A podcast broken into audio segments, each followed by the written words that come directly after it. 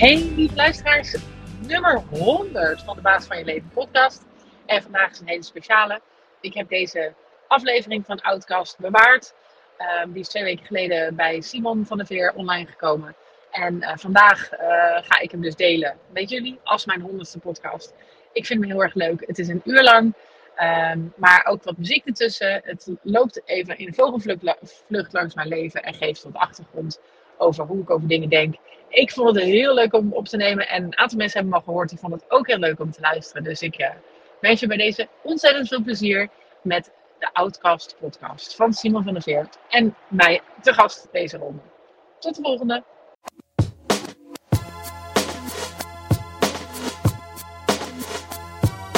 Welkom bij Outcast, een podium voor een ander geluid. Voor buiten de gebaande paden wandelen en soms ook voor buiten de boot vallen. Van directeur tot dichter en van archeoloog tot filosoof.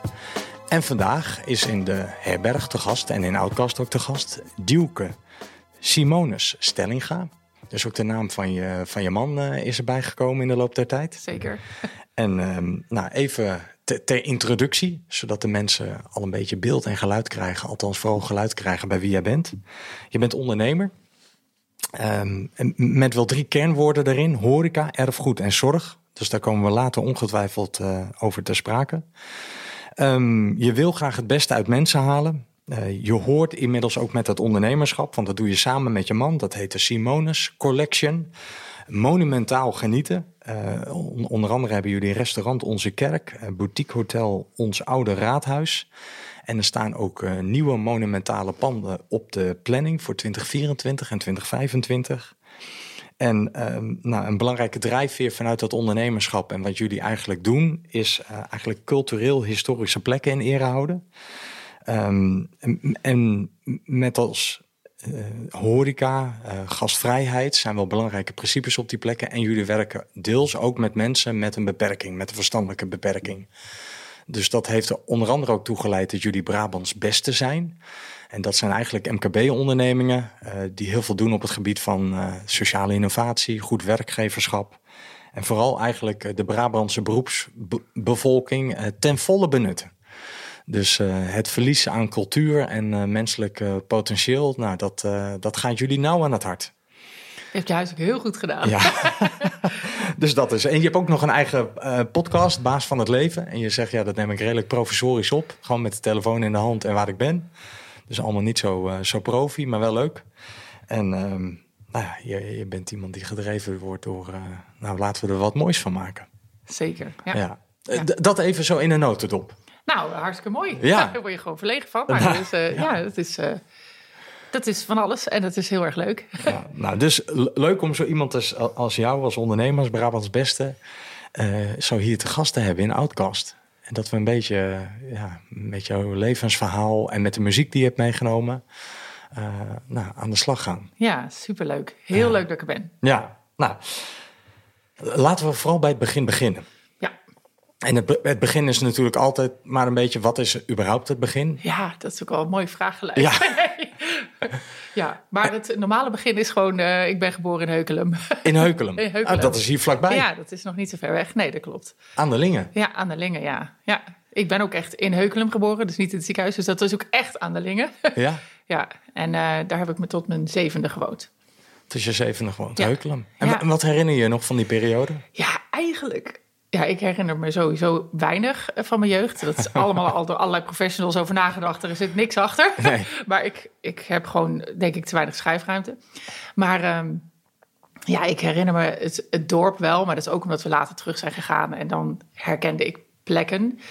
Um, en ja, eigenlijk verder niet superveel. Ik weet alleen nog dat ik het vreselijk vond toen we op mijn zevende dus weggingen. En dat ik heel erg huilend in het vliegtuig zat. Maar verder, ja, weet ik van voor mijn zevende echt niet zoveel. Je hebt ook geen flarden meer?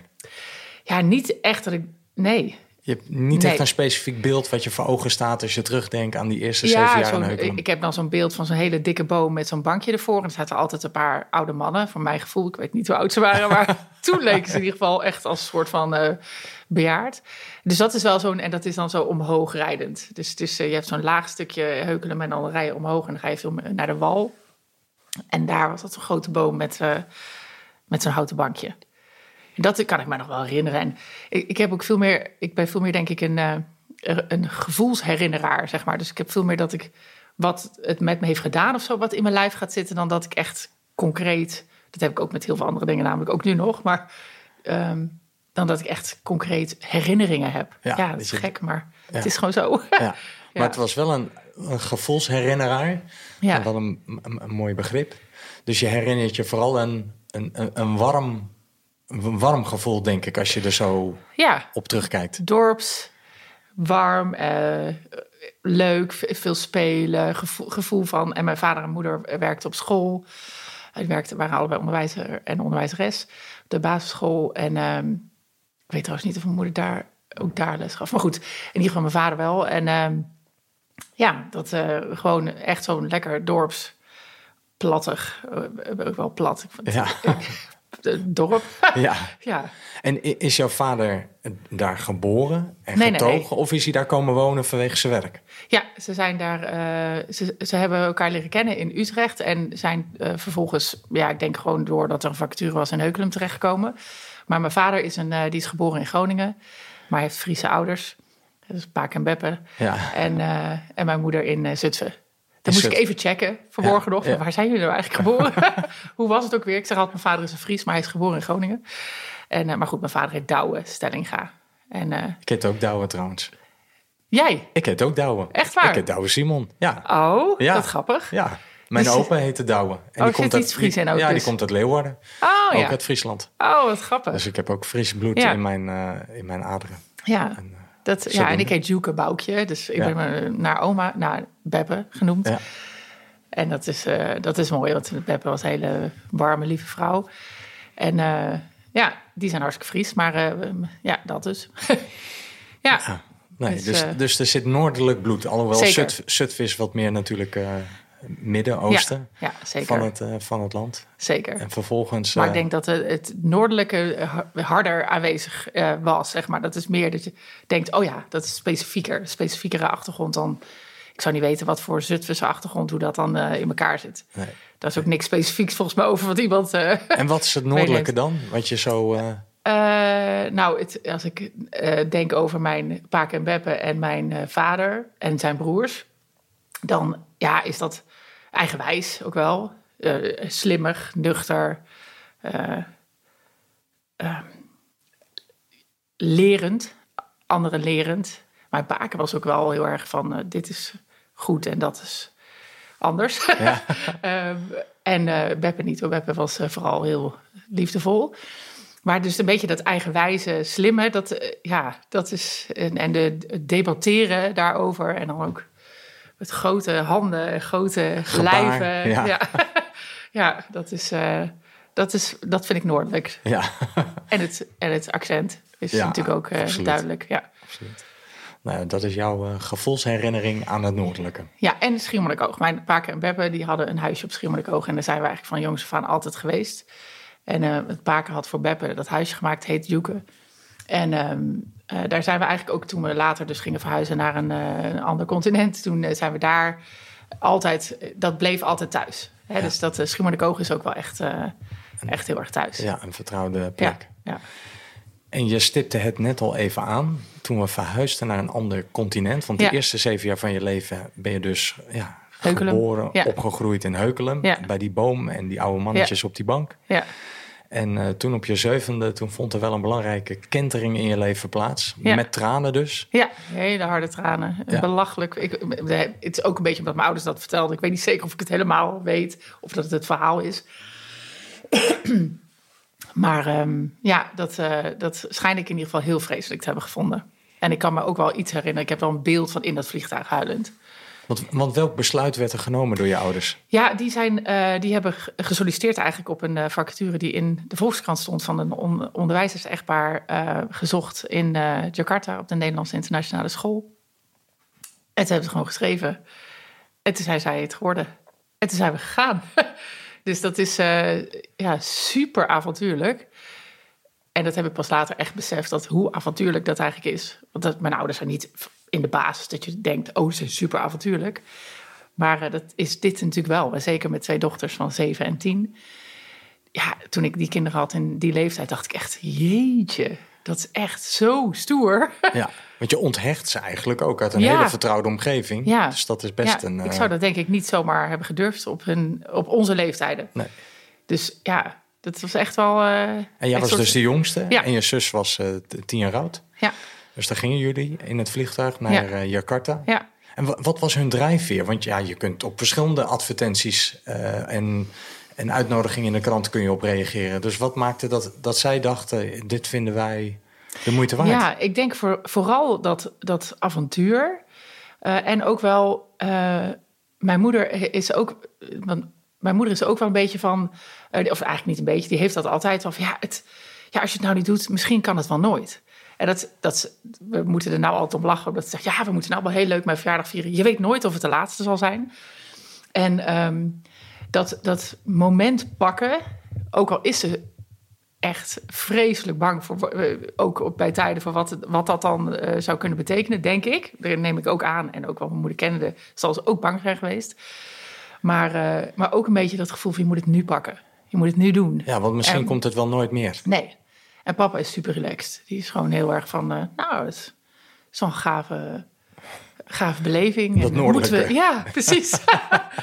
Zo van, nou, dat komt vast goed. Ja, gaan we iets moois van maken. ja, precies. Dus um, ja, dus dat is... Uh, en ze moest ook echt met z'n tweeën natuurlijk solliciteren als echtpaar. Ja.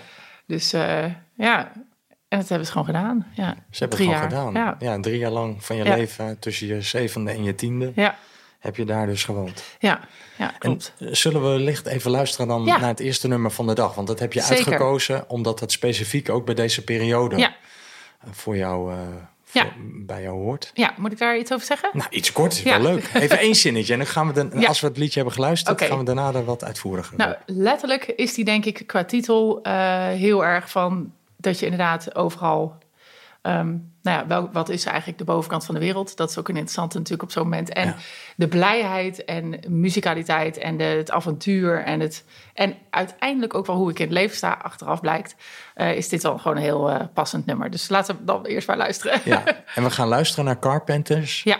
Top of the World. Ja, het maakt niet zoveel uit wie het heeft gezongen. Het ging vooral over dat liedje, zongen mijn zus en ik altijd. En, uh, en dat deden we ook met de pianolerares, de, de zangjuf. En, in Indonesië ook? Ja, oké. Okay. Ja. Ja. Nou, we gaan daar lekker naar luisteren. Ja.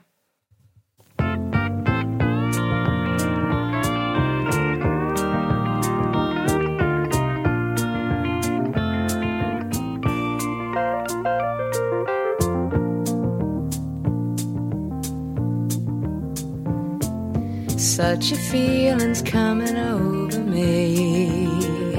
There is wonder in most everything I see.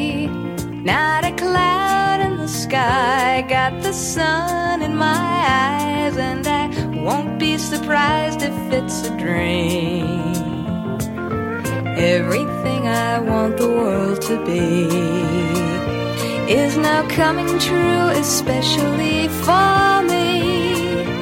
And the reason is clear it's because. You're the nearest thing to heaven that I've seen. I'm on the top of the world looking down on creation, and the only explanation I can find is the love that I've found ever since you've been around. Your love's put me at the top of the world.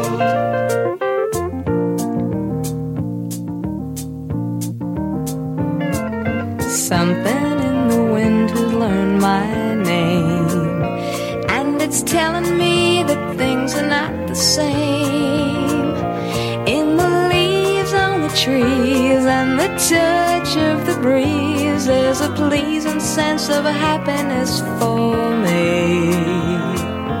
There is only one wish on my mind. When this day is through, I hope that I will find that tomorrow be just the same for you and me. All I need will be mine if you are here.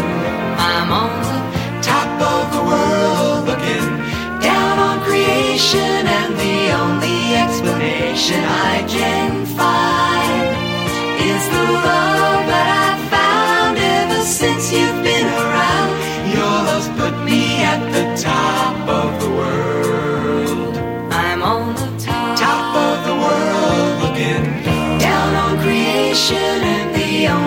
explanation I can find is the love that I've found ever since you've been around. Your love's put me at the top of the world.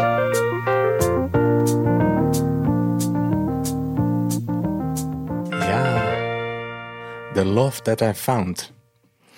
Dus- ja, ook ja. Ja, ja. en welke liefde ehm, heb jij zo gevonden in, eh, in Indonesië? Ja, dat, eh daar zat ik net over na te denken van eh, wat is eigenlijk wat, wat ik het is het grootste cadeau denk ik wat mijn ouders ons hadden kunnen geven om dit in zo'n cruciale leeftijd ons zo uit de wereld te trekken en in een totaal andere wereld te zetten heb ik eigenlijk toen natuurlijk allemaal niet zo bedacht en wat ik denk ik er zeg maar terugkijkend denk eh, wat ik er gevonden heb is dat het echt niet uitmaakt waar ik ben. Ehm, home is where the heart is. Dat, is eh, de, dat is denk ik echt wat het is. Het is ehm, ik voel me totaal onafhankelijk van de hele wereld. En tegelijk hecht ik me heel erg aan de wereld. En alles ertussen. En dat is denk ik echt een soort van daar begonnen. Ja, Ja. dus het maakt eigenlijk niet uit waar ik ben. Ik vind Ja. wel geluk in mezelf. Ja. Dat is wel een beetje een reis geweest natuurlijk. Maar Ja, absoluut. dat is, zo Ja. ben ik niet geboren, we het daarop houden. Nee. Maar eh, ja, dat is, dat is denk ik wel wat het, wat het mij en mijn zus eh, gegeven heeft. En hun zelf denk ik ook wel. Maar eh, ja, en terwijl ik het nooit, ik zou het nooit gedaan hebben met mijn kinderen op die leeftijd. Omdat ik het gewoon niet zou hebben gedurfd, denk ik. Terwijl ik een enorme lef groter ben. Maar Ja. ja, het... En mijn ouders eigenlijk denken dat wij, mijn zus en ik, vooral lefgozer zijn. En zij Ja. niet. Terwijl dit echt de ultieme lefgozerige daad van de eeuw is, eh, vind ik. Maar Ja. ja, en het heeft dus ook heel veel, eh, heel veel gebracht. Ook al had ik daar dus ook achteraf heel weinig herinneringen van. En ehm, he- hebben we allemaal mensen leren kennen die we ook in, in Nederland daarna natuurlijk nog veel hebben gezien. Die altijd zoiets hadden van, nou wat stom en dat weet je allemaal niet meer. Dan dacht ik, ja, ik weet een paar hele spannende dingen nog. Maar Zoals? nou ja, dat het munitiedepot ontplofte in, eh, in Jakarta of daarnet naast. En ehm, dat, ehm, dat was natuurlijk allemaal, eh, denk ik, niet helemaal goed weggezet en zo. Hè? Dat was niet helemaal oké. Dus er is iets gaan ontploffen en toen ging het hele munitiedepot ontploffen. Dus dat was echt gewoon een oorlog. Is midden in de nacht en al, al, allerlei raketten die overvlogen. Of tenminste, voor mijn gevoel waren het raketten. En toen waren de ruiten kapot. En toen moesten we met al onze, ja, het klinkt heel decadent, maar er waren bediendes, hadden we daar. Ja. En dus met z'n allen in die auto naar de school. En daar gingen we met z'n allen schuilen in de school. Omdat, nou ja, weet je, dat is wel echt iets wat ik nog herinner. Dat we in het donker door Jakarta chasen en iedereen in paniek. En eh, dat is natuurlijk wel een soort eh, ingrijpend eh, iets wat je niet vergeet. En hoe het zwembad eruit zag. En dat zijn natuurlijk dingen die, je, die je wel weet, maar verder niet. Terwijl daar ook, en dat is een beetje die ervarings- of die gevoelsherinneringen. Wij zijn ehm, niet heel lang geleden, een paar jaar geleden, met mijn ouders eh, teruggegaan naar Indonesië. Eh, naar Bali dan weliswaar, maar goed. Ehm, en mijn zus was al wel eerder terug geweest, mijn ouders ook. Ik nooit. Ik dacht ook, ik heb daar niet zo heel veel mee. Ik vond het allemaal ja, een beetje overrated, zeg maar. Dat we die, die hele ervaring, want ik had niet het idee dat het zo spectaculair eh, impact had. Maar toen kwamen we daar uit het vliegtuig. En toen voelde ik dus echt op zintuigelijk niveau... ik dacht, oh ja, maar dit is ook thuis. Ik rook en ik voelde de, hit, de soort hitte, de, de geur van de tropen. Het, het is totaal iets anders. En, eh, en toen, toen dacht ik ineens, oh, hier ben ik ook thuis. Dat is ook wel weer van, ik, ik kan overal thuis zijn, maar dat Schiermonnikoog is thuis. En ehm, ehm, Indonesië is, eh, of eigenlijk als Azië denk ik, want we zijn ook nog naar Vietnam geweest. Daarna, daar had ik hetzelfde gevoel een beetje. Ehm, is ook thuis. Dat is ook een deel van mij. Dus ik, ineens wist ik weer hoe bepaalde mensen eh, heten. En we aten iets op een marktje. En toen zei ik, oh, dit is Nanka. Nou ja, dat is nooit van mijn leven in die 30 jaar er weer naar boven gekomen. Nee, maar nu kwam het in één keer uit een soort diepe bron. Ja, toen dacht ik, oh ja, dit is... Doemde dat weer op Ja. van, hé, hey, Nanka. Ja, precies. Oh, wat lekker. Ja. Dat vond ik vroeger, eh, toen ik een jaar of acht, negen was, had ik dat hier. Ja, van zo'n marktje waar je Ja. alle geuren ruikt... en waar alles om elkaar krioelt, waar je totaal overprikkeld raakte. En, eh, en, en ineens is dat, oh ja, dat is, eh, dat is daar. toen snapte ik ook ineens dat, want ik ben natuurlijk in de zorg verder gaan, ook dat stuk dat men, wat mensen zeggen over trauma's, dat die zo, ehm, als je nog, geen, nog niet veel taal hebt, als je het, een trauma overkomt terwijl je nog niet veel taal hebt, dat dat op zintuigelijk niveau in je lijf zit en dat je dat dus ook moet oplossen, niet met taal, maar met zintuigelijke therapie bijvoorbeeld. En toen ineens snapte ik dat ook. Ik denk, oh, maar. En niet omdat ik een trauma heb gehad, maar omdat. Ehm, omdat zo'n herinnering dus in je zintuigen zit. Nou, en ook behoorlijk ingrijpend natuurlijk. Ja. Dus als je de eerste zeven jaar van je leven ja. heukelen bent. Ja, heukelen, ja. En, ja, en, dan, in Jakarta. Ja, met wat je zegt, overprikkeld. En die markten en die geur en die temperatuur. Ik denk, ja, dat is, even, dat, is, dat is wel even een culture shock. Ja. ja, en die zit dus in je lijf en niet in je taal en niet in je, niet in je brein. Dus dat is... Uh, ja, dat, dat, is, dat is een hele mooie. Dat, toen dacht ik ook ineens: oké, ik heb ook iets gehaald uit deze reis naar Indonesië. En, uh, en, en later ook weer dacht ik: nou ja, dit is ook iets wat wel wat wezenlijke dingen heeft gedaan in mijn leven. Ja. ja. ja. En hoe kijken je ouders erop terug? Ja, die zien het echt, die hebben het altijd gevoeld als hun tweede thuis daarna. die, zijn ook, uh, die zijn ook heel veel jaren zijn zij nog uh, twee maanden in de winter daar naartoe gegaan, naar een deel van Indonesië. En uh, ja, mijn vader is, die gaat dan helemaal de taal leren, die gaat met iedereen contact maken en uh, op straat en overal. Dus hij, ja, hij vindt het ook fantastisch, maar zij zijn ook inmiddels echt wel wat ouder. Ze kunnen het niet meer zo goed hebben, die warmte. Dus vorig jaar voor hun gevoel zijn ze voor het laatst geweest en hebben ze afscheid genomen van Indonesië. Van hun tweede thuis. Ja. Ja. ja. Ik kan me voorstellen dat het wel emotioneel voor hen is geweest. Dat was ook zo, ja. Maar allebei hebben ze ook wel zoiets van al een paar jaar van dit is echt die hitte en, uh, en die reis. Het is wel heftig. Ja. ja. En het is ook zo. Ja. Nou ja, dat is ook zeker zo. Maar tegelijkertijd heeft het wel een, eh, een dierbare plek in het hart. Ja, zeker. zeker. Dus van de week hebben we die Indonesische wereldreis uh, in ons restaurant. Nou, daar zijn zij de eerste die zich hebben ingeschreven. Ja. Ik had het ook wel eerder willen weten. Ik ben ook wel erg gek op Indonesisch eten. Maar dat is heerlijk. Ja, precies. Ja, dus Dat, is, uh, dat is mooi. Ja, nou, wat een feestje. Om daar als kind samen met je zus en dan met zo'n pianojuf en dan af en toe een liedje zingen. Ja. En dan ook van die soms een hachelijk avontuur mee te maken met een munitiedepot wat ontploft. Ja. En uh, nou, je vertelde na Indonesië blijkbaar ook nog in Vietnam geweest dus. Ja, dat was gewoon een, eh, een reis die we, die mijn zus met haar gezin en, en ik met mijn gezin samen hebben gemaakt. Oh. Ja, dus dat is net voor corona, dus we waren net op tijd. Ja. ja. Ja, dus we hebben drie weken zijn we rond gaan reizen in Vietnam. En dat deed je weer terugdenken ook aan je tijd aan... Ja, diezelfde lijfelijke ervaringen. Dacht ik gelijk, oh ja, dit is uh, Herkenbaar. Ja. ja. we zijn weer thuis. Ja, ja precies. en dan denk ik vervolgens ook als ik in ons eigen kleine dorpje thuis kom. Maar uh, dan ben ik ook weer thuis. Maar uh, het is, ja, nou ja, ik kan, overal, ik kan echt overal thuis zijn. Dat geloof ik echt. ja. ja. ja. Home is where the heart is. Ja. Toch? Ja, en het is echt een heel gezapig tegeltje tekst. maar het is... Ja, ik denk dat ik hem wel zou hebben kunnen uitvinden. Dat, ja. Je, be, je belichaamt hem. Ja. In al je zintuigelijkheid. Ja, precies, precies. ja. Oh, ja. exact dat, ja. Hey, en als we zo een sprong in de tijd maken. Want je, ja, je, je bent weer terug naar Nederland gegaan. Althans, je ouders, neem ik aan, hebben dat besluit genomen. Van onze tijd hier is eindig. Ja. Een mooie periode gehad. En nu onze kinderen weer uh, terug naar Nederland. En daar weer uh, het bestaan opbouwen.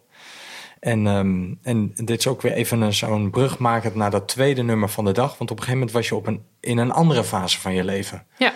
Waarin het ook veel meer ging over persoonlijke ontwikkeling. En waarin je ook overspannen bent geraakt. Ja. Wat kun je daarover vertellen? Um, nou ja, eigenlijk denk ik... Um, en ook allemaal weer achteraf bedenkend... dat ik altijd in een soort uh, schuld leef. Omdat ik... Uh, uh, eerst dacht ik dat dat was omdat ik alleen maar goede dingen meemaak in mijn leven. Dat ik geen nare jeugd heb gehad. Dat ik uh, geen uh, ouders die overlijden. Ja. Geen, nou, allemaal voor het geluk geboren. Precies. Hè, ik dacht eerst van nou, bij mij komen, gebeurt er nooit iets vervelends. en dus heb ik een soort schuld in te lossen aan de wereld. Um, inmiddels geloof ik dat overigens ik vooral ook, ik heb eigenlijk best wel ook net zo goed allerlei dingen meegemaakt. Maar dat ik eigenlijk in alles de winst ervan zie. En dat dat ook maakt dat ik dus voor mijn gevoel alleen maar leuke dingen meemaak in mijn leven. Omdat ik er iets van maak. Um, maar ik heb heel lang, eigenlijk echt heel lang, het is echt heel kort geleden denk ik dat ik dat pas besefte dat ik niet een schuld in te lossen heb. Um, geleefd met het idee van ik moet iets goeds terugdoen, want ik heb het heel goed. En ik eh, ben heel gelukkig en gezegend en uh, nou de hele reutemeteut. Uh, dus ik heb een schuld in te lossen. Nou, dus ik ging gewoon ehm, bedenken, hoe kan ik dat dan ook terugbetalen? Hoe, het kon eigenlijk niet moeilijk genoeg. en ik dacht, ik kan dat wel en, als, en ik kan dat, want ik ben sterk omdat ik alleen maar geluk heb in mijn leven. Dus ik ging ook de meest moeilijke banen bedenken. Um, en uh, daarin ook denkend dat ik dan ook nog een soort van de wereld kan veranderen. Dat is natuurlijk ook een soort ideaal van die leeftijd, zo rond je twintigste, denk ik. Dus ik ben uh, sowieso de zorg ingegaan. En uh, ja, ik vond dan ook, ik ben sterk, ben ik trouwens ook, maar dat ik um, in de meest, met de meest moeilijke doelgroep die veel agressie vertoont, veel um, ingewikkeldheid, veel crisis. Um, aan mijn lijf, aan mijn lijf ook, hè, de, de ander aan mijn lijf bedoel ik dan. En dan ook denkend, ik kan dat dragen en ik moet dat ook dragen, want ik heb een schuld in te lossen. Dat ja, klinkt een beetje zwaar. Ja. Het klinkt een beetje katholiek ook, dat ben ik niet. Ja, een beetje als een, als een soort Jezus met het, met het kruis op zijn rug. Ja, precies. Ik zal het lot, het leid der wereld zal ik op mij dragen. Ja, dat klinkt inderdaad best wel erg. Ik ben sterk genoeg om dat kruis te dragen. Ja, dat klinkt echt best wel erg. Maar ja, ik heb echt gedacht van, ja, ik, ik heb dat dus te doen. Want ik heb het, ik, ja, ik, ik, ja, ik heb het goed, zeg maar. Dus, uh, en, en merken dat je daarin niet alles aan kan. Ja, dat is ook sowieso een vreselijke gewaarwording. Um, maar ook wel uh, nou ja, gewoon heel confronterend dat ik dus inderdaad uh, niet alles kan. Dat ik ook echt soms... nou, achteraf toen stortte ik gewoon even in. En toen kon ik nog niet eens naar de winkel, want was ik gewoon helemaal... ja, ik werd gewoon gelijk dat ik moest overgeven en misselijk als ik alleen al een supermarkt zag. Omdat ik dan echt dacht, oh, ik kon gewoon letterlijk geen prikkels, geen dingen meer aan in mijn lijf. En um, ja, ik vond ook wel dat ik dat wel snel moest fixen. En ook dat ik daar zelf verantwoordelijk voor was. Dat is ook wel iets wat bij mij hoort, dat ik verantwoordelijk ben voor mijn leven. Dus ik uh, dacht, oké, dat ligt aan mijn baan. Dus ik ga nu stoppen met mijn baan. Ik ga een andere baan zoeken. En toen trouwden we in de tussentijd, want ik heb mijn, uh, mijn vent heel jong leren kennen. En, uh, Die heet? Willem. Willem, laten we dat niet onbenoemd laten. Nee, zeker niet. Willem Simonis, dus daar komt de naam. Als een goede katholiek, dus Simonis. Hè? Ja. dus toch nog, ik kwam toch nog de cirkel rond. Ja. Maar uh, uh, ja, dus toen zijn we getrouwd. En toen ben ik uh, vervolgens uit, want ik heb mijn eerste baan was dus in, in, de zorg voor mensen met een ernstige verstandelijke beperking. Ja. En heel veel fysieke agressie, dus haren trekken, bijten en, en alles wat ertussen zit. En uh, toen ben ik de hele andere kant van de zorg begaan. Dat was de psychiatrie, de gesloten uh, um, acute opnameafdelingen.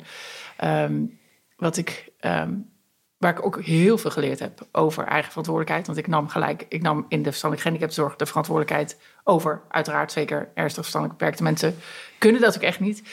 en daar moest ik leren dat mensen ook een eigen verantwoordelijkheid hebben voor hun leven.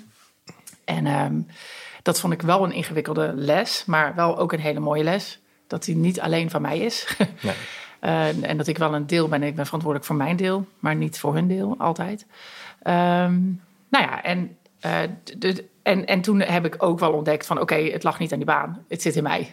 ik, heb, ik heb een ding te doen met mezelf. Dus toen ben ik heel erg die zelfontwikkeling gegaan... Uh, op allerlei manieren. Dus ik heb ook natuurlijk daar een keer uh, een traject met een psycholoog gehad. En uh, nou ja, honderdduizend uh, werkgerelateerde coaches of opleidingsgerelateerde coaches. Die me, en dan weer allerlei boeken. En nou ja, mensen die je leert kennen, die allemaal helpen in. Ja, het is allemaal gereedschap. Ja, het is allemaal gereedschap. Ja. Om, om met jezelf aan de slag te gaan en te denken van hé, hey, welke reis, welke stap heb ik nou te maken waardoor ik evenwichtiger in het leven sta? Ja. Ja. In plaats van dat kruis voortdurend maar in mijn eentje aan het ja. dragen ben. En denk dat dat zo hoort en zo moet. Want ik heb het zo goed gehad. Ik ben voor het geluk geboren. ik heb een schuld in te lossen. Ja, Klinkt allemaal zo zwaar. En ik denk ook, misschien door je tijd in Indonesië... waarin je ook uh, dat, die ongelijkheid zo hebt gevoeld. Omdat je sprak net ook al een beetje voorzichtig over... Hè, ik, ja, je zegt het klinkt bijna elitair. Maar we hadden bedienden. dan voel je dat ook helemaal als kind. Dat je denkt, hé, hey, ja, wij zijn hier blank en er werken hier mensen voor ons, misschien soms ook wel onder ons. Wat niet de intentie is, maar wel zo gebeurt. Dus dan, ja, dat maak je wel als kind ook mee. Zeker. Dus dat komt wel op je harde schijf te staan. Althans, een groot huis met een om, Ja. ommuurd. En daarnaast is de kampong. En eh ja, en heb ik toen niet zo bewust, denk ik. Maar wel, je hebt het wel ja, opgeslagen. denk het ook. Ja. Ja. En dat je dan Ja. denkt, ja, zo is, is dit nou zoals het Ja. hoort. En waarschijnlijk had je Ja. daar een overtuiging bij van... eh, ik, Ja. er komt mij net iets te veel toe. Ja, zeker, zeker. En ik zag ook wel de mensen, eh, want in onze familie zijn ook wel wat mensen die hebben geworsteld met dingen. Ehm, en dat zag ik dan ook. En dan denk ik, ja, dat, dat heb ik niet en dat hebben wij als gezin niet. Eh, en mijn, mijn moeder is ook heel zorgend dan voor, die, ik denk dat ik het een beetje uit haar hoek heb. Ja, ook dat zorgen voor ja, degene die het minder goed hebben dan Ja. jij of zo. Dat, ja, dat, het, dus ja, maar die, ja, het, is, het, is, het had best wel een extreme vorm eh, in mijn, eh, in mijn eh, hoofd. En ik vind dat nog steeds wel hoor. Ik vind nog steeds wel, ik vind nog steeds wel dat ik. Maar dat, ik vind het nu inmiddels dat wij allemaal een verantwoordelijkheid hebben om te doen wat we kunnen. Ehm, alleen hoef ik dus niet alles te kunnen. Dat, eh, dat Nee. eh, het is niet altijd in mijn gevoel precies zo, maar rationeel toch zeker altijd. Dat ik denk, ja, nee, het is. eh, ik heb de verantwoordelijkheid om mijn bijdrage te leveren. Ja. En, ik, en ik weet niet of het klopt hoor, dus dit is meer een soort werkhypothese. Maar het, het klinkt een beetje alsof je eerst vooral een kind van je moeder was. En wat later op in je leven steeds maar een kind van je vader aan het worden bent. Dat is een hele mooie hypothese. En ehm, mijn zus is altijd vergeleken met mijn moeder. Eh, als zijnde, eh, mijn moeder heeft veel meer eh, spettering. En eh, ehm, ehm, we grappen altijd een beetje in die lijn van de familie zit wat hysterie, zeg maar. ook heel veel theater en entertainment. En dat heeft mijn zus ook. En eh, mijn, moeder, mijn moeders kant in ieder geval eh, ook heel erg. En ehm, ik heb altijd wel gevoeld van... Ja, ik ben eh, rustiger... Ik ben meer oké als ik ook met mezelf ben. En um, ik heb meer vertrouwen in het leven, zeg maar, of zo. En dat is echt mijn vaderskant. Alleen, uh, uh, ik denk dat ik inmiddels veel meer allebei die kanten inderdaad uh, heb omarmd. Ik heb, denk ik, vroeger heel erg alle druktemakers uit de familie uh, gedacht, daar hoor ik niet bij. Nee, dat is niet... Dat is niet van mij. Nee. Uh, dat ben ik niet. Dus ik heb, denk ik, intern heel erg gedacht... ik kom uit mijn vadershoek. Ja. En inmiddels, toen ik wat minder in mijn schuld leefde... en wat meer ook uit mijn introvertheid... en meer ook de extravertheid uh, kan zien en omarmen... die ik ook echt wel heb... Uh, ben ik het meer gaan integreren, denk ik ja. ook zelfs. Ja, dus het is een beetje een ja. pendeling geweest. Ja. Eerst ja, meer precies. thuis bij je precies. vader. Ja. Dat je dacht, nou, al die druktemakers, Ja. die uh, zijn vooral druk met zichzelf. Ja. Succes ermee. Ja. Toen wat meer die reis naar je moeder toe. Ja. Ja. Hè, met dat zorgzame en wat Ja. voor andere mensen betekenen. Klaar ervoor staan, maar dan wellicht vergeten een beetje Ja. klaar te staan voor Ja, jezelf. en dat je ook een beroep mag doen dat de mensen ook een verantwoordelijkheid voor zichzelf dragen. Draag je eigen kruis. Ja. Succes ermee. Ik ben er als je me nodig hebt, maar ik ben er Ja. niet voor alles. Ja. En vervolgens wat meer weer die reis naar je vader toe van uh, ja, Ja. daar weer een soort rust in vinden. ja, zeker. Waarin je zegt, hey, beide kanten. En het is ook inderdaad, ik voel ook, het is ook beide kanten is oké. En het zit allebei in mij. En ehm, ehm, nou, daar moet ik een leuk soepje, soepje van maken. Absoluut. en je eigenheid in vinden. Ja, Dat je denkt, uh, nou ja, dit wel, dit niet. ja. Nou ja. Ja, en ik zie nou ook dus niet alleen maar de last die je dan draagt, hè, dat, dat dramatische verhaal van de, het kruis, uh, maar veel meer dat ik denk, uh, hoe gaaf is het dat ik zo naar de wereld kan kijken en Ja. wat geniet ik daar eigenlijk van? Ja. En wat gun ik dat een ander ook? Nou. En daar is het volgende liedje, denk Ja, ik. dat het wilde hele- ik net zeggen. ik denk, nou, je maakt wel een enorme mooie intro voor Ja. het tweede nummer van de dag van Marco Ja. Borsato. Ja, Die heb ik nog niet eerder in Outcast uh, is die voorbij gekomen, Marco Borsato. Dus ik vind het wel leuk dat hij uh, voorbij komt. Ja, ja, en het is natuurlijk, ja, eh, het is een beetje, ja, hij is een beetje in de stilte op het moment, Ja, uiteraard. Als er persoon is, is. Ja, is hij een beetje gecanceld. ja, terwijl ik denk, ja, ehm, Is dat helemaal terecht? Dat weten we niet. nee, dat is aan de we rechter. weten het nooit. Nee. Nee, precies. Dus eh, en zijn muziek is fantastisch. Dus daarom heb ik hem toch gekozen. Ja, hartstikke leuk. Ja. Eh, Een beetje een outcast geworden. Ja. Eerst was hij altijd mainstream precies, en lovable precies, en iedereen precies. hield van hem. Ja, precies. En eh, nu, omdat hij blijkbaar aan jonge meisjes heeft gezeten, dan, Ja. eh, ja, Ja, dan is hij in één keer fout en Ja. mogen we het er niet meer ja over als hij het gedaan heeft, is hij hartstikke fout. Maar ja, Ja, zijn muziek is nog steeds wel heel mooi. Ja, Dus we gaan luisteren naar Mooi. ja.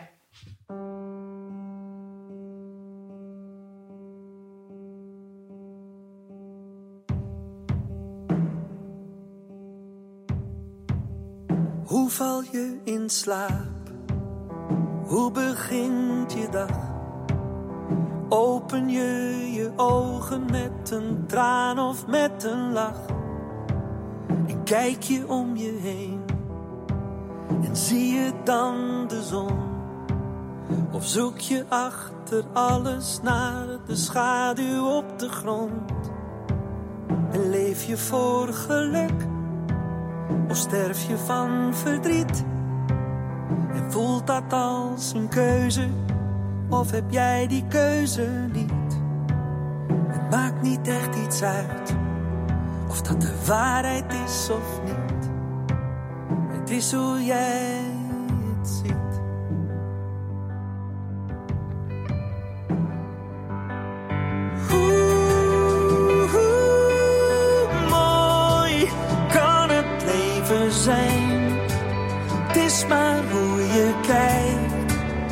Is maar wat je droomt. Hoe, hoe mooi is jouw werkelijkheid? Jij bent net zo rijk, zo rijk als je je voelt.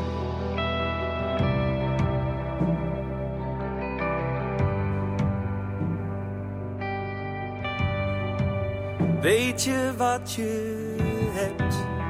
Is de cirkel rond? Zie je wat er staat of mis je enkel wat er stond? Krijg je wat je wil of zelfs meer dan wat je vroeg? Ben je tevreden met het minste of is het meeste niet genoeg? Raak je verwonderd van de sneeuw, van het ruisen van de wind? Geniet je van de vogels, van het lachen van een kind? Creëer je je geluk, wat binnenin jezelf is waar het eindigt en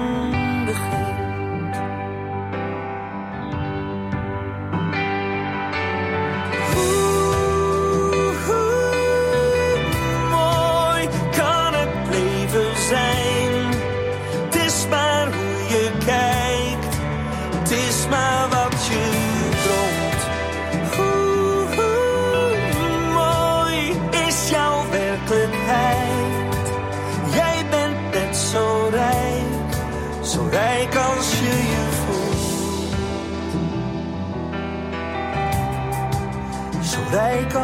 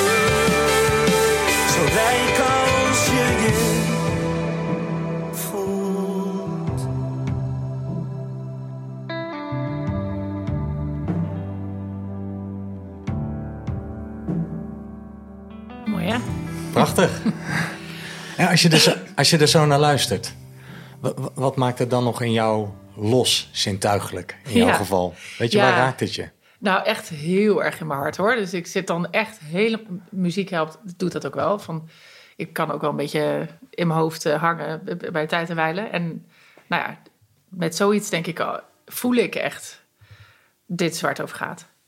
Dit is waar alles over gaat. En eh, het is. Ik raak er ook altijd een soort van geraakt. Eh, ik, als ik zou willen, zou ik ervan kunnen huilen. Ja. Ik zou er heel erg van kunnen lachen. En ik heb heel erg dat ik denk... Oh, ik hoop, ik wil zo graag dat mensen... ehm, soms anders kunnen kijken... omdat ik ze zo gun om het zo te voelen. Dat je zoveel meer in de hand hebt dan... of zoveel meer kan beïnvloeden in je leven... dan soms mensen voelen. En dat vind ik zo verdrietig. Dat, dus dat voel ik ook heel sterk. Het is maar wat je droomt, het is maar wat je droomt. Het is ook echt, eh, weet je, ik, voel ook gelijk een soort de urge om eh, daar van alles eh, mee te doen. Doe ik trouwens ook, maar nou, dat, ja, dat. Ik wil er iets mee. Ja, dat het is ook. maar hoe je kijkt. Hè? Ja, Maar soms is het voor mensen ook wel heel lastig om, om dat te beïnvloeden. Want dat, dat, weet je, ik heb zelf bijvoorbeeld in een depressie gezeten. Dus ik, ik weet uit eigen ervaring hoe verdomd lastig het is om Ja. het dan te turnen. Weet Ja. je, dat je dan denkt, ehm, ik weet niet aan welke knop ik moet draaien, maar het blijft maar eh, donker en zwart in mijn hoofd. ja, Dus ik denk, het klinkt altijd wel zo optimistisch en zo leuk. Ja. Eh, maar soms lukt het ook gewoon niet. nee.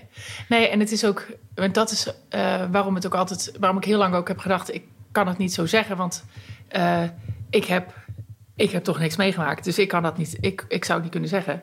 En ehm, het, is ook, het gaat wat mij betreft dan ook niet over ehm, dat het dus positief moet zijn. Of dat het ter plekke, dat je niet eh, mag lijden. Of dat je niet mag, verdriet mag hebben. Of niet bang mag zijn. Maar ehm, dat wat je overkomt, is hetgene waar jij het dan mee moet doen. En het, een ander kan het ook overkomen en kan er anders mee omgaan. Of, of later anders mee omgaan. Of er in terugblik naar kijken van... goh, het heeft me ook heel veel gebracht. Of ik haal er iets goeds uit. Of ik ga er iets mee doen. Of ik ga er iets van leren. Of ehm, zonder dat het er niet mag zijn. Want het is, ehm, het is daar. Hè, dat is, ehm, dus dat is, en dat is altijd het spannende, vind ik, als je het erover hebt met elkaar. Van, dat het lijkt alsof je daarmee ontkent dat dingen moeilijk mogen zijn of zo. Ja. Want dat is niet wat het is. Nee. Het mooiste voorbeeld, en misschien ook het, meest, het minst beladen voorbeeld daarvan, is corona en horecaondernemers. Ehm denk ik, ja, we hebben allemaal hetzelfde meegemaakt. Ja. En toch ehm, is Gaat de ene... iedereen er net wat ja, anders mee om. Precies. En de ene is in een diepe ellende gestort en de ander eh, minder. Ja. Eh, of heeft er iets van gemaakt. Of eh, heeft daardoor de keuze van zijn leven gemaakt. Of het is... eh, of een ander die blijft voor eeuwig vechten tegen de regering... want die hebben zulke belachelijke keuzes gemaakt. En dat is denk ik het mooie voorbeeld van... En, en wij hebben ook gehuild en eh, bang geweest. En ik, ik kon ook eh, het vakantiegeld... wat natuurlijk heel snel betaald moest worden... na de eerste lockdown van al ons personeel... niet betalen. Dus het was echt kak, zeg maar. Ik wou Ja. erger schelden, maar dat zou Ja. ik niet doen. maar denk ik, ja, dat, ja, we hebben nou een paar, een paar dingen die we kunnen doen. Ja. Ja, we kunnen gaan huilen in een hoekje en boos zijn op de hele wereld. Maar het is maar hoe je ernaar kijkt. Het is maar hoe je ernaar kijkt. Ja, precies.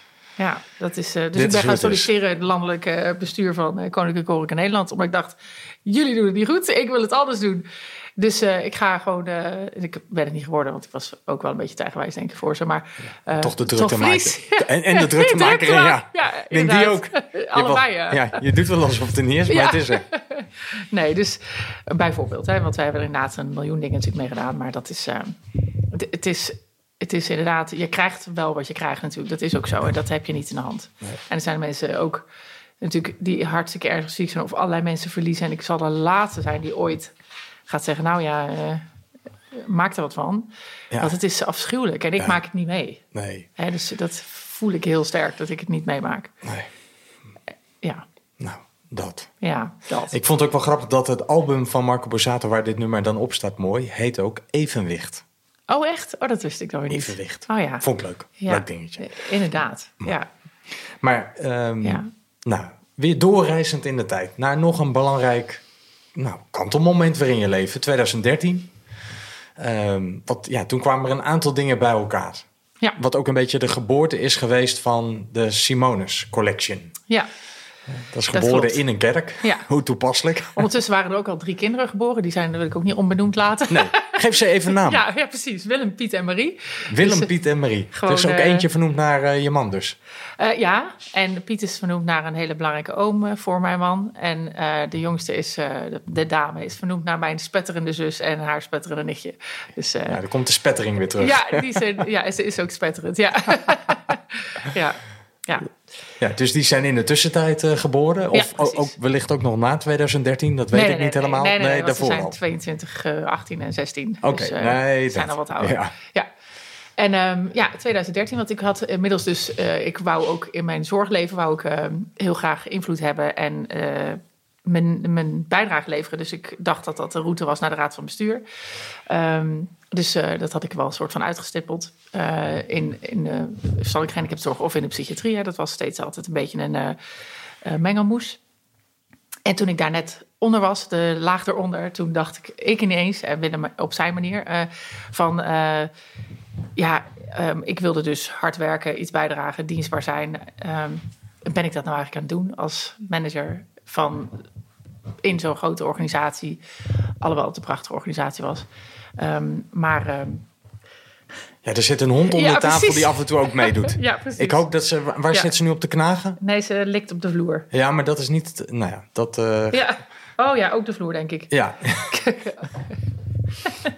Ach ja, onze, de, de hond in de herberg... Wij zijn het in ieder geval niet. Nee, zeker geluid. niet. Zeker niet. Maar Gilly doet altijd een beetje mee. Ja, het is de vloer. Ja. En, ehm, eh, dus toen dacht ik van, jeetje, is dit het nou? En eh, Willem, die eh, is helemaal niet een man die voor een baas kan werken. Dus die was al, al heel snel zijn eigen ondernemer. En hij, ik noem hem altijd ondernemer, kunstenaar, chageraar, alles in één. Ja. En eh, ehm, hij, hij had toen, maakte hij vooral bijzondere lampen. Ehm, maar toen hadden wij samen zoiets van, ja, we willen toch eigenlijk echt iets... ja, samen doen. Iets samen opbouwen en eh, iets bijzonders. Oh, Hij maakte de wereld letterlijk mooier, zeg maar, met al de dingen die hij maakte. Dus toen ehm, eh, zijn we erover na gaan denken. En we hebben elkaar leren kennen in de horeca toen ik 17 en hij 19 was. En Al heel dacht- jong. Ja, heel Ja. jong, heel jong. Ja. En nog Je steeds eerste gelukkig. liefde. Ja, zeker. Ja. En ehm, dus er was iets van, nou, we willen iets eh, in de horeca gaan doen, maar het moet wel iets bijzonders zijn. En zoals wij een beetje zijn, van op het moment dat je dat bedenkt en je zet gewoon stappen in die richting. Dus we gaan de, de cursus die we moeten doen en de dingen uitzoeken die we moeten doen, dan komt er wel iets op ons pad. En, eh, en dat was ook zo. Er kwam bijvoorbeeld een eh, hotel in eh, Griekenland op ons pad. Ik dacht, oh, is dat leuk? Nou, dat vonden we dan uiteindelijk niet leuk. En toen ineens stond Willem bij school van onze kinderen. En toen hoorde hij de kerkklokken. En toen had hij iets, hé, daar had ik toch iets van gelezen. Die ging toch dicht? Hij hoorde de klok luiden. Precies, ja. Precies.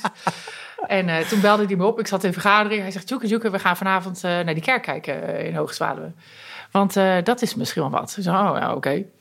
En ja, ik heb inmiddels ook wel echt geleerd... als hij dan ergens rondloopt en denkt... ja, hier kan ik wat van maken... En ik heb dan zoiets van, ik kan er wel een mooi verhaal bij voelen. Ja, dan, dan, dan is het hem. En, en hij zei, "Maar ja, dit, hier kan ik wel een restaurant van maken. En toen zei nou, ga het gewoon doen. En binnen drie weken hadden we het eh, met het bisdom eh, en de parochie geregeld. En eh, toen wisten we natuurlijk nog niet of we het wel konden herbestemmen als een horecagelegenheid. En hoe dat, hè, we waren nog echt niet belast met enige vorm van kennis op dat vlak. En dat is achteraf ook goed, want dan doe je het misschien wel niet.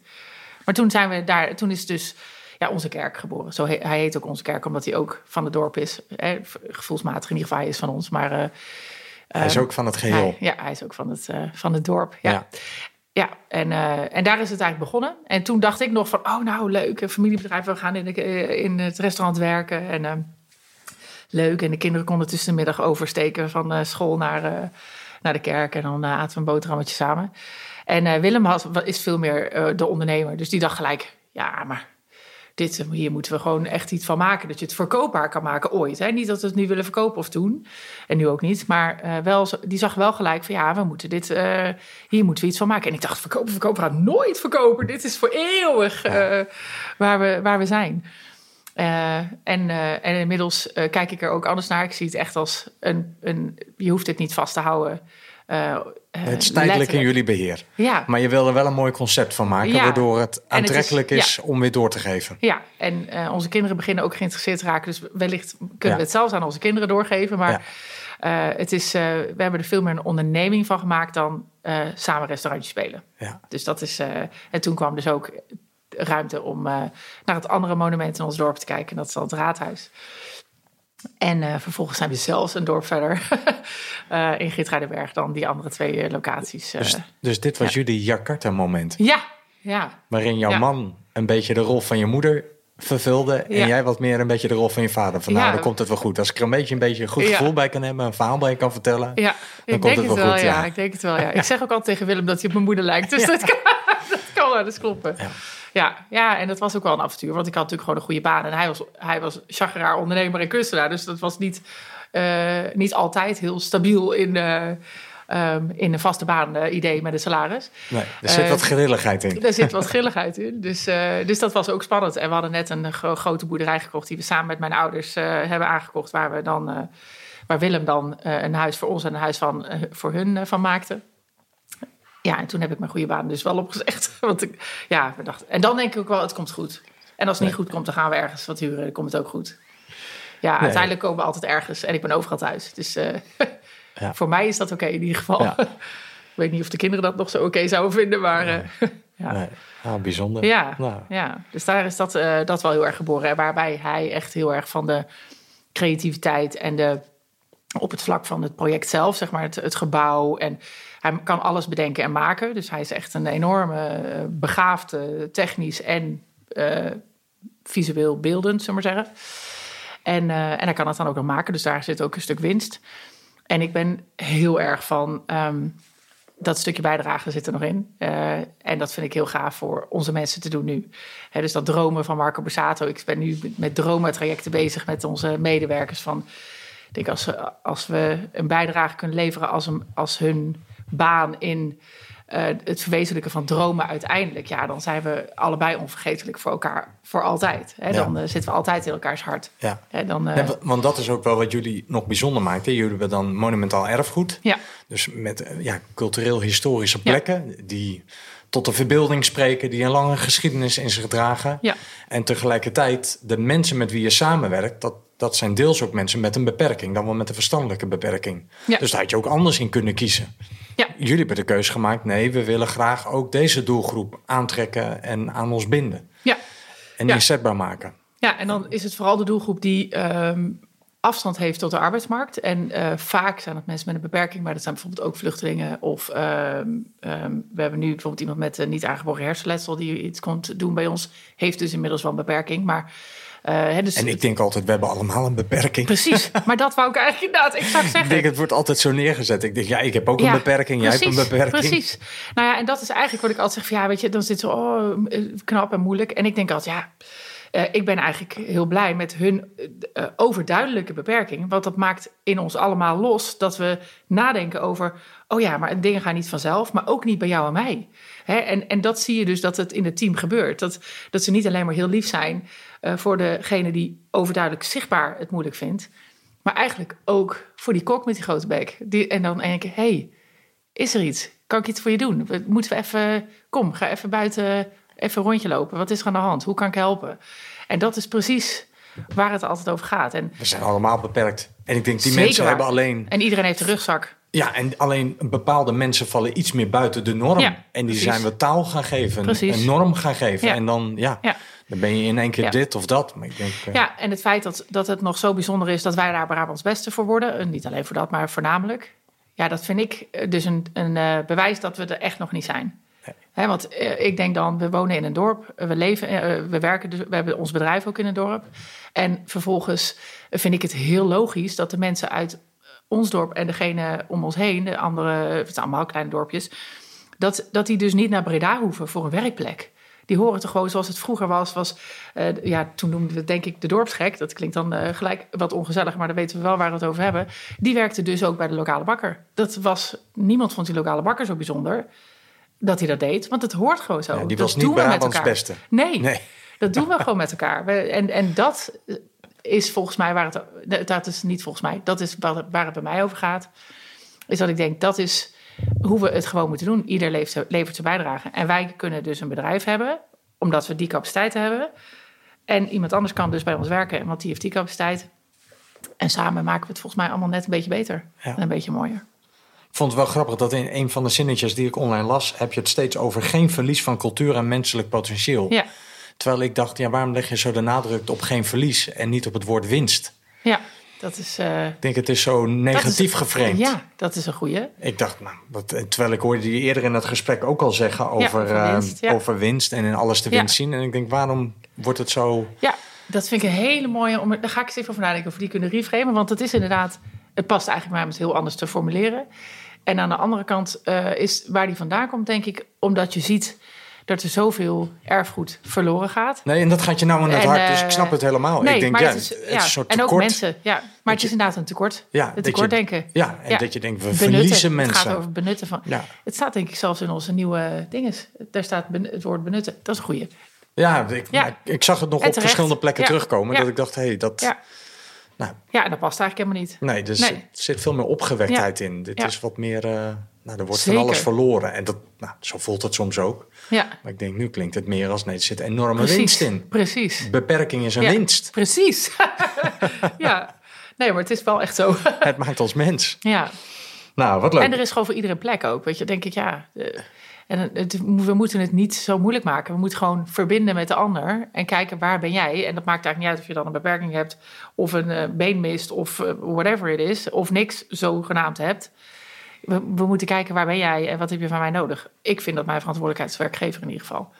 Nee, en, en, en waar ligt dus jouw kwaliteit? En tegelijkertijd, waar ligt je beperking? En die vraag is voor ieder mens. Ja, precies. Dus als ik bij jullie zou gaan Precies. werken, is die vraag ook aan mij. Ja, nou, Simon, waar precies. haal je lol uit? Wat is je Ja. droom? Waar zit je Ja. kwaliteiten? Ja. En waar zit ook je beperking? Ja. Want dan kunnen we daar iets mee. Precies. En wat, wat heb je dan van ons nodig? Dat is ook een belangrijke vraag. Hè? Want, ja.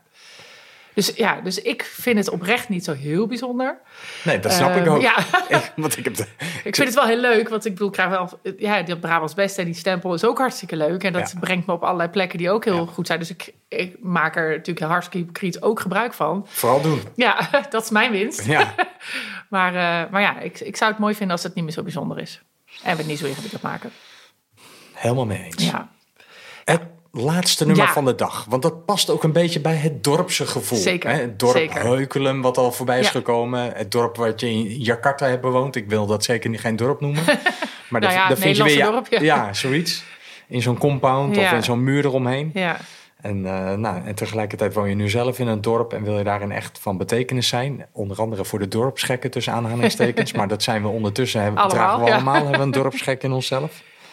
Dus het laatste nummer hoort daar volgens mij wel bij. Ja, heel erg. En het zit ook wel in het omarmen van, ehm, eh, van dat stukje. Ik heb altijd als... eh, eh, we zijn in Brabant gaan wonen, natuurlijk op mijn twaalfde uiteindelijk. En ik heb me altijd gelijk ook thuis gevoeld in Brabant. En ik heb ook... En Willem is een enorme Brabander. Echt, echt helemaal in alle lijnen van zijn vader en zijn moeder ook. Wat is een Brabander dan? Wat typeert Ja. een Brabander? Dat je denkt, nou, daar herken je meteen een Brabander aan. Ik heb wel zo'n idee. Maar Ja, nou, een Brabander is eigenlijk eh, die om, voor mijn gevoel, voor mij is een Brabander degene die eh, zijn, zijn roots omarmt en zijn dorp omarmt. Eh, die ook een beetje daar trots op is, op zijn, op zijn dorp en op zijn plek. Die heel erg van het leven geniet. En die ook een beetje lomp kan zijn, dat dat niet bete- meteen betekent dat hij ook geen hersens heeft. Hè? Dat, zo ziet het er wel eens uit op televisie. Ehm, en ehm, dat plezier in het leven. Dat zijn eigenlijk een beetje die dingen. Maar ook wel een beetje de kneuterigheid en het oké zijn met... Ja, ik ben gewoon een Brabander en dat is prima. en, en ik heb altijd een beetje verzet tegen dat gevoel... Nou, niet verzet, want ik voelde... Ik hoor hier wel. Alleen mijn hele familie is natuurlijk eh, is heel erg van het avontuur en op pad en verhuizen. En, en ik dacht, ik ben hier oké. En dus het, het, maar het is ook, ik heb een ander avontuur. Dus het is ook het omarmen van, eh, ik hoor hier. ja, Ja, ik hoor hier. ja. En het laatste nummer van de dag is getiteld Het Dorp. Ja. Oorspronkelijk van Wim Sonneveld. Ja, volgens mij is die oorspronkelijk zelfs nog van iemand anders. Eh, Is mij van de week verteld, maar het maakt niet uit. Nee, Hij het wordt gezongen door Maan. Ja, en ik wil nog één, mag ik er nog één ding over zeggen? Absoluut. Eh, want toen wij net een week open waren, of twee weken, toen, want we hebben eh, orgelconcertjes, want we hebben nog een orgel in de kerk. En eh, toen hadden we een zangeres en dus onze huisorganist, die al vanaf zijn dertiende op dat orgel speelt. En die hebben dit liedje ge- gedaan ehm, samen. En toen zat, zat er heel veel mensen uit het dorp. En toen was iedereen aan het meezingen. En, toen, en we gaan het binnenkort weer een keer doen. En dan ga ik zelf ook meezingen. En toen dacht ik echt, ja, dit is echt... Dit, dit, nou ja, daar gaat mijn hart echt zo van overlopen. Van zo- zo'n beeld van dat dorp wat meezingt in onze kerk. En met dat orgel. Ja, ik vond het fantastisch. Ja, dus dat is hem ook. En daar gaan we nu een beetje naar luisteren. Ja. Het dorp, gezongen door Maan.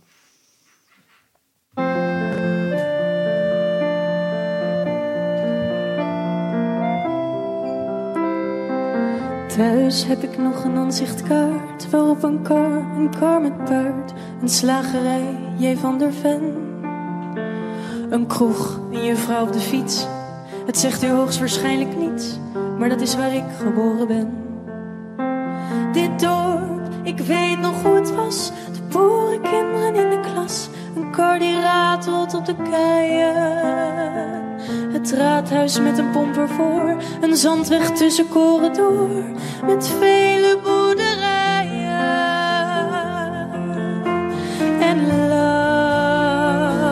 Langs het tuinpad van mijn vader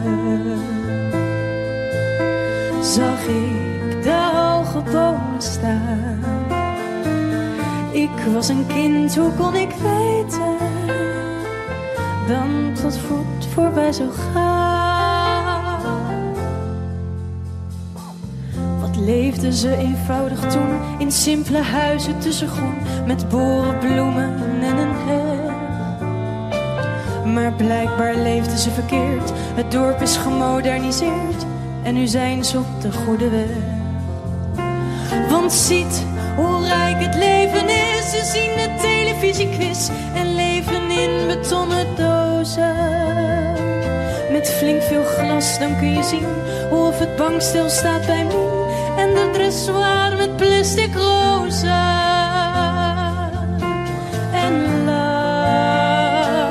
Het tuinpad van mijn vader zag ik de hoge bomen staan. Ik was een kind, hoe kon ik weten dat dat voor goed voorbij zou gaan? De dorpsjeugd klit wat bij elkaar in minirok en bietelhaar en joelt wat mee met beatmuziek. Ik weet wel, het is een goede recht, de nieuwe tijd, net wat u zegt, maar het maakt me wat melancholiek. Ik heb hun vaders nog gekend, ze kochten zoethout voor een cent. Ik zag hun moeder stoutjes springen. Het dorp van toen, het is voorbij, dit is al wat er bleef voor mij. Een aanzichtkaart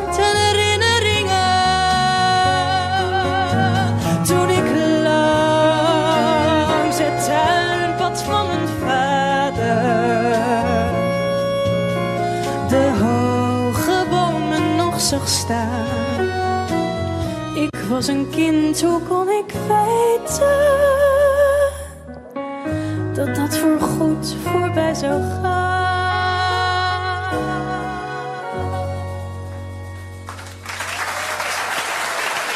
Ja, dit zong ze oorspronkelijk een keer bij De Wereldrijd Door. Vandaar het applaus op het eind. Oh ja. Ja, Nou, dat is wel een leuke touch. ja. Ja, en ik hoor nu pas hoe zij natuurlijk... eh, Nou, dat hoor ik natuurlijk niet nu pas. Maar nu denk ik ineens... Oh ja, ze zegt ook wel, het gaat voorbij en zo. en toch is dat misschien wel waar de herinneringen gewoon... eh, home is where the heart is. Dus dat dorp, dat blijft. Eh, in, bij mij blijft die. ja. Ja, dus hij is eigenlijk best wel ook van hij gaat voorbij. En, en, en ik denk dat dat eigenlijk wel meevalt als je hem koestert. Ja. Ja. Ja, want dan draag je hem als een herinnering in jezelf. Ja, En in jouw geval ook zintuigelijk, hè? Als Ja. de gevoelsherinneraar Ja, die eh, met je meereist. ja. Ja. Mooi. Het dorp. Langs het tuinpad van mijn vader. ja die was ook... eh, ja. Ja. Nou, hey, en zo zijn we aan het, eh, aan het eind beland ja, van, van ons gesprek. Ik vond het heel bijzonder om zo ja, over je schouder mee te kijken naar je eerste jaar in Heukelum. Een, een, een moeder Zutphen, een vader uit het noorden, hè, Groninger, maar eh, in Friesland opgegroeid. En vervolgens in Utrecht hebben ze elkaar ontmoet. En toen voor werk verhuisd naar Heukelum. En daar zijn jij en je zus uh, geboren. Zij wat meer de spettering, jij wat rustiger. En vervolgens op je zeventiende, vanaf dat, dat, die, die, die oude mannen op het bankje bij die dikke boom, vertrok je naar een heel andere boom in Jakarta, Indonesië. Nou, drie jaar heb je daar je tijd doorgebracht. Uh, zodoende dat eerste nummer ook, hè, On Top of the World. Dat je voelt van, nou, mijn, mijn huis is, waar mijn hart is. En daar was ook mijn hart. Wat je wat later in je leven nog wat meer weer realiseerde. Met al die overprikkeldheid, die geur, die temperatuur toen in Nederland, ook na een fase waarin je ontdekte: ik ben er altijd goed in geweest om het kruis eh, te dragen. Veel verantwoordelijkheid, ik ben sterk, ik los het wel op, ik, ben, ik moet schuld inlossen. Hè, ik ben voor het geluk geboren en nu moet ik het vooral bij anderen goed maken. En daardoor ben je ook nou, mede daardoor overspannen geraakt. En met psychologen en met van alles als gereedschap met jezelf aan de slag gegaan. En gerealiseerd, ja, ik ben sterk, maar ik ben ook zwak. Ook ik heb hulp nodig en ook ik moet eens een keer uitrusten. En andere mensen kunnen ook best een beetje voor zichzelf zorgen. Dat hoef ik niet allemaal op te lossen. Um, nou, vandaar ook dat nummer Marco Borsato, mooi, van het album Evenwicht. Um, het is maar hoe je er naar kijkt. En jij bent toen ook wat anders naar jezelf gaan kijken. En vervolgens de reis naar 2013. In een kerk werd je weer uh, opnieuw geboren. Met dank ook aan je man Willem. Inmiddels drie kinderen geboren in je leven. En nou, toen kwam er wat anders. Het Jakarta-gevoel werd weer aangewakkerd. En uh, je man die kansen zag, die de klok hoorde luiden. En die dacht, uh, ik, ik zie hier iets moois waarin we iets voor het dorp kunnen betekenen. Voor een bepaalde doelgroep kunnen betekenen. Geen verlies, maar winst. We zijn allemaal beperkt. Maar wellicht zijn we daardoor ook wel onbeperkt. Um, nou, en toen is er ja, het Simonis Collection geboren. Met eh, onze kerk, later ook ons oude raadhuis, zelfs Brabants beste geworden. En uiteindelijk kom je weer terug bij het dorp, langs het tuinpad van je vader. Ja. en zo is de cirkel weer rond. Dat heb je heel mooi samengevat. Dat is op zich ook al heel knap. ja, leuk. Het was heel leuk om dit uh, zo door te lopen samen, vond ik. Ik ook. Ik ook. Ik vind dat fantastisch. Weet je, je krijgt toch een kijkje in de ziel. Ja. Met muziek en met jouw verhalen. En met uh, ja, wat je zo hebt meegemaakt. En uh, ja, een uur is natuurlijk veel te kort. Dus uh, we doen maar een uitsnede van, dat, van het rijke leven wat iemand meebrengt. En dit keer was het jouw leven. Ja, super bedankt dat ik hier mocht zijn. Echt heel leuk. Heel graag gedaan. En nou, tot ooit. En ja, dankjewel zeker. dat je te gast wilde zijn. Jij bedankt. In deze outcast. Nou, um, Lieve mensen, of lieve luisteraars, dit was een outcast met Juke Simonis Stellinga. Zo zeg ik het helemaal goed. Um, ik hoop dat dit je weer heeft geïnspireerd om met een andere manier te kijken naar je eigen leven. Of wellicht wel dat je denkt, hé, hey, wat leuk om zo een kijkje te krijgen in het leven van een ander. En um, nou, ik hoop dat het je weer uh, energie heeft gegeven. En uh, de blijdschap, de mooiheid, de winst van het leven ook weer een beetje in jezelf hebt ontdekt. Dus nogmaals bedankt voor het luisteren en heel graag tot de volgende Outcast.